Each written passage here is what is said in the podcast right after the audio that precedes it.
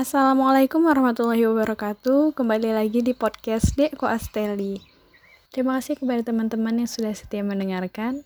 Seperti biasa, kita akan membacakan buku Kesaksian Seorang Dokter yang ditulis oleh Dr. Khalid bin Abdul Aziz Al-Jubair, SPJP. Untuk kali ini, cerita yang akan kita bacakan berjudul Cukuplah Kematian Sebagai Peringatan. Baiklah, langsung saja kita dengarkan cerita berikut ini.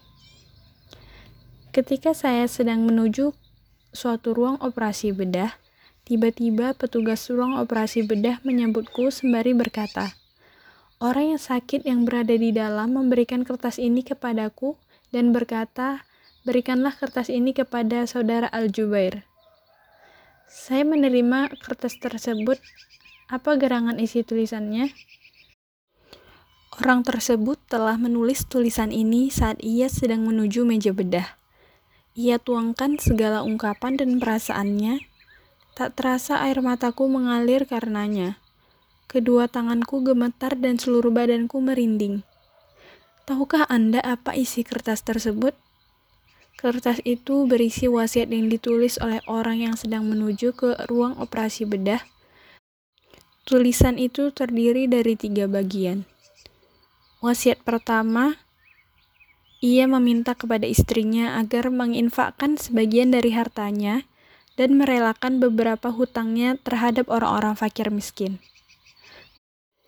Wasiat kedua, ia meminta kepada istrinya untuk menjaga anak-anaknya, mendidik anak-anaknya untuk menghafalkan Al-Quran, dan menjauhkan mereka dari segala hal yang melalaikan, seperti televisi dan yang lainnya. Wasiat ketiga, ia meminta maaf kepada istrinya atas segala kekhilafan dan kesalahan. Lalu ia mendoakan istrinya semoga ia menjadi ratu para bidadari di surga nanti. Secara singkat inilah wasiat tersebut. Mungkin Anda bertanya-tanya, apa yang membuat saya menangis? Kenapa saya ikut hanyut dalam perasaan tersebut? Sesungguhnya banyak hal yang menyentuh perasaanku. Di antaranya adalah kematian dan gambarannya. Kegundahan yang dirasakan oleh seorang muslim seperti diriku atau orang yang berada dalam situasi sadar ia sedang mendekati ajal. Ketika saya melihat kertas ini, seakan-akan melihat seseorang yang sedang menulis wasiat dan ia sadar bahwa kematian yang sedang menghampirinya. Sungguh, ternyata banyak orang seperti saya yang kurang memperhatikan ajaran Rasulullah Shallallahu Alaihi Wasallam dalam menuliskan bab wasiat. Seperti hadis Rasulullah Shallallahu Alaihi Wasallam yang artinya tidak layak bagi seorang muslim yang memiliki sesuatu yang dapat diwasiatkan untuk tidur dua malam, kecuali jika usianya telah ditulis. Saudara dan saudariku sekalian, Menulis wasiat bukan hanya untuk menjaga hak Anda maupun hak orang lain, akan tetapi merupakan bukti kesadaran Anda akan dekatnya kematian dan sebagai bukti bahwa diri Anda selalu ingat dengan kematian. Maka sing-singkanlah lengan baju dan bersegeralah untuk beramal di jalan akhirat.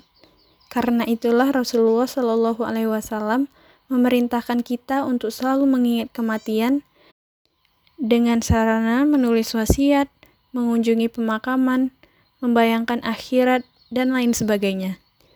Semua itu dapat mendekatkan gambaran kematian ke mata Anda.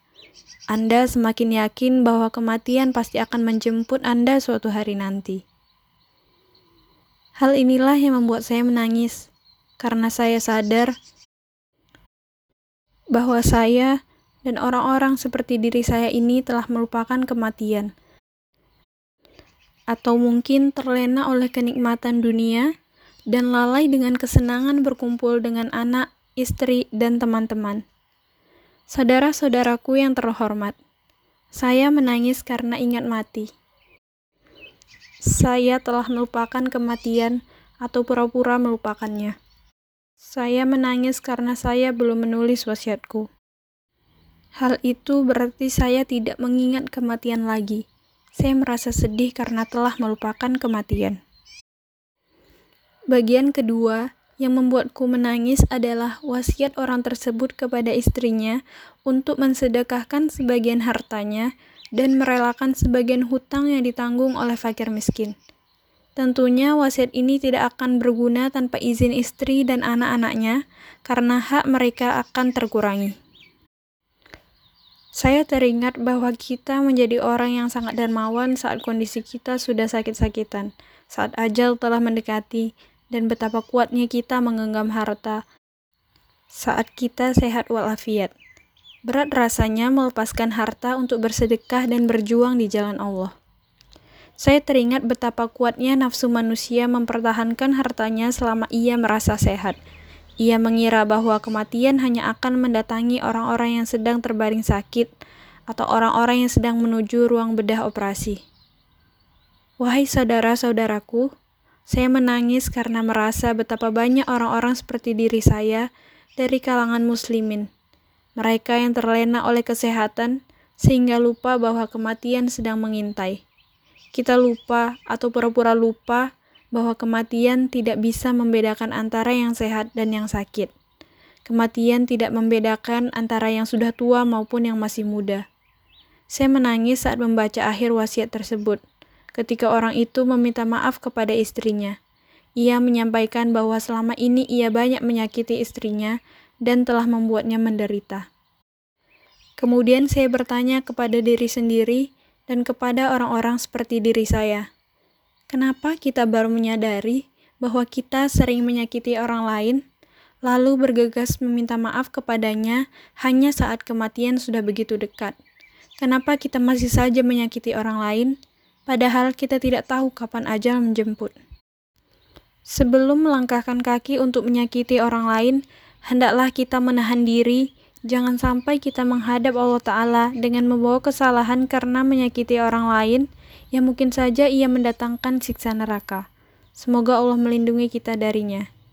Rasulullah Shallallahu Alaihi Wasallam bersabda, yang artinya, jauhilah perbuatan zolim, karena sesungguhnya kezoliman adalah kegelapan pada hari kiamat. Beliau juga bersabda yang artinya, Barang siapa menzolimi atau menyerobot tanah orang lain seluas satu kilan atau sepanjang ujung ibu jari dan jari kelingking bila dibentangkan, maka tanah itu akan dikalungkan di lehernya sebanyak tujuh lapis. Beliau juga bersabda yang artinya, barang siapa menzolimi kehormatan saudaranya atau yang lainnya, maka hendaklah ia meminta maaf sekarang, sebelum tiba saat tidak ada lagi dirham dan dinar. Sehingga saat itu amal soleh orang yang berbuat zalim tersebut akan dikurangi setimpal dengan kezalimannya. Dan jika ia tidak memiliki amal soleh, maka kesalahan atau dosa orang yang ia zolimi akan dibebankan kepadanya.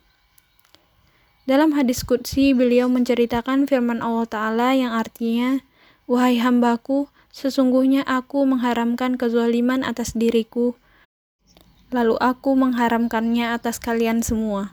Maka janganlah kalian saling menzolimi. Saudara-saudaraku sekalian, Seluruh ungkapan isi hati ini muncul saat saya membaca selembar kertas ini. Saya menyadari bahwa saya sering berbuat zalim, bahwa saya dan orang-orang seperti saya telah terlena oleh kenikmatan hingga melupakan kematian, terlena oleh pertemuan-pertemuan hingga melupakan perpisahan. Bagaimanapun juga, akhirnya saya harus melaksanakan operasi tersebut. Operasi itu merupakan operasi paling lama yang pernah saya alami. Alhamdulillah tuntas juga pekerjaan berat itu. Padahal semula saya pikir untuk membatalkan operasi bedah ini karena hati saya dalam keadaan kacau balau tidak menentu. Akan tetapi apa boleh buat rongga dada orang itu sudah dibedah, maka mau tidak mau operasi harus segera dimulai. Dengan bertawakal kepada Allah, saya melaksanakan tugas sulit ini yang pada akhirnya lelaki itu keluar dari ruang bedah dengan selamat. Pada keesokan harinya, aku serahkan kembali ke secari kertas wasiat tersebut sambil berkata, Saudaraku, semoga Allah Ta'ala memaafkanmu. Engkau telah membuatku terhenyuh saat engkau serahkan wasiat ini. Semoga Allah mengampuni dosa-dosaku dan dosa-dosamu. Semoga salawat dan salam selalu dilimpahkan atas junjungan Nabi Muhammad SAW beserta keluarga dan sahabat-sahabatnya. Baiklah teman-teman, cukup sekian kisah kita pada kali ini. Semoga kisah tadi kembali mengingatkan kita kepada kematian sehingga kita mempersiapkannya dengan sebaik-baiknya. Sampai jumpa di episode selanjutnya. Assalamualaikum warahmatullahi wabarakatuh.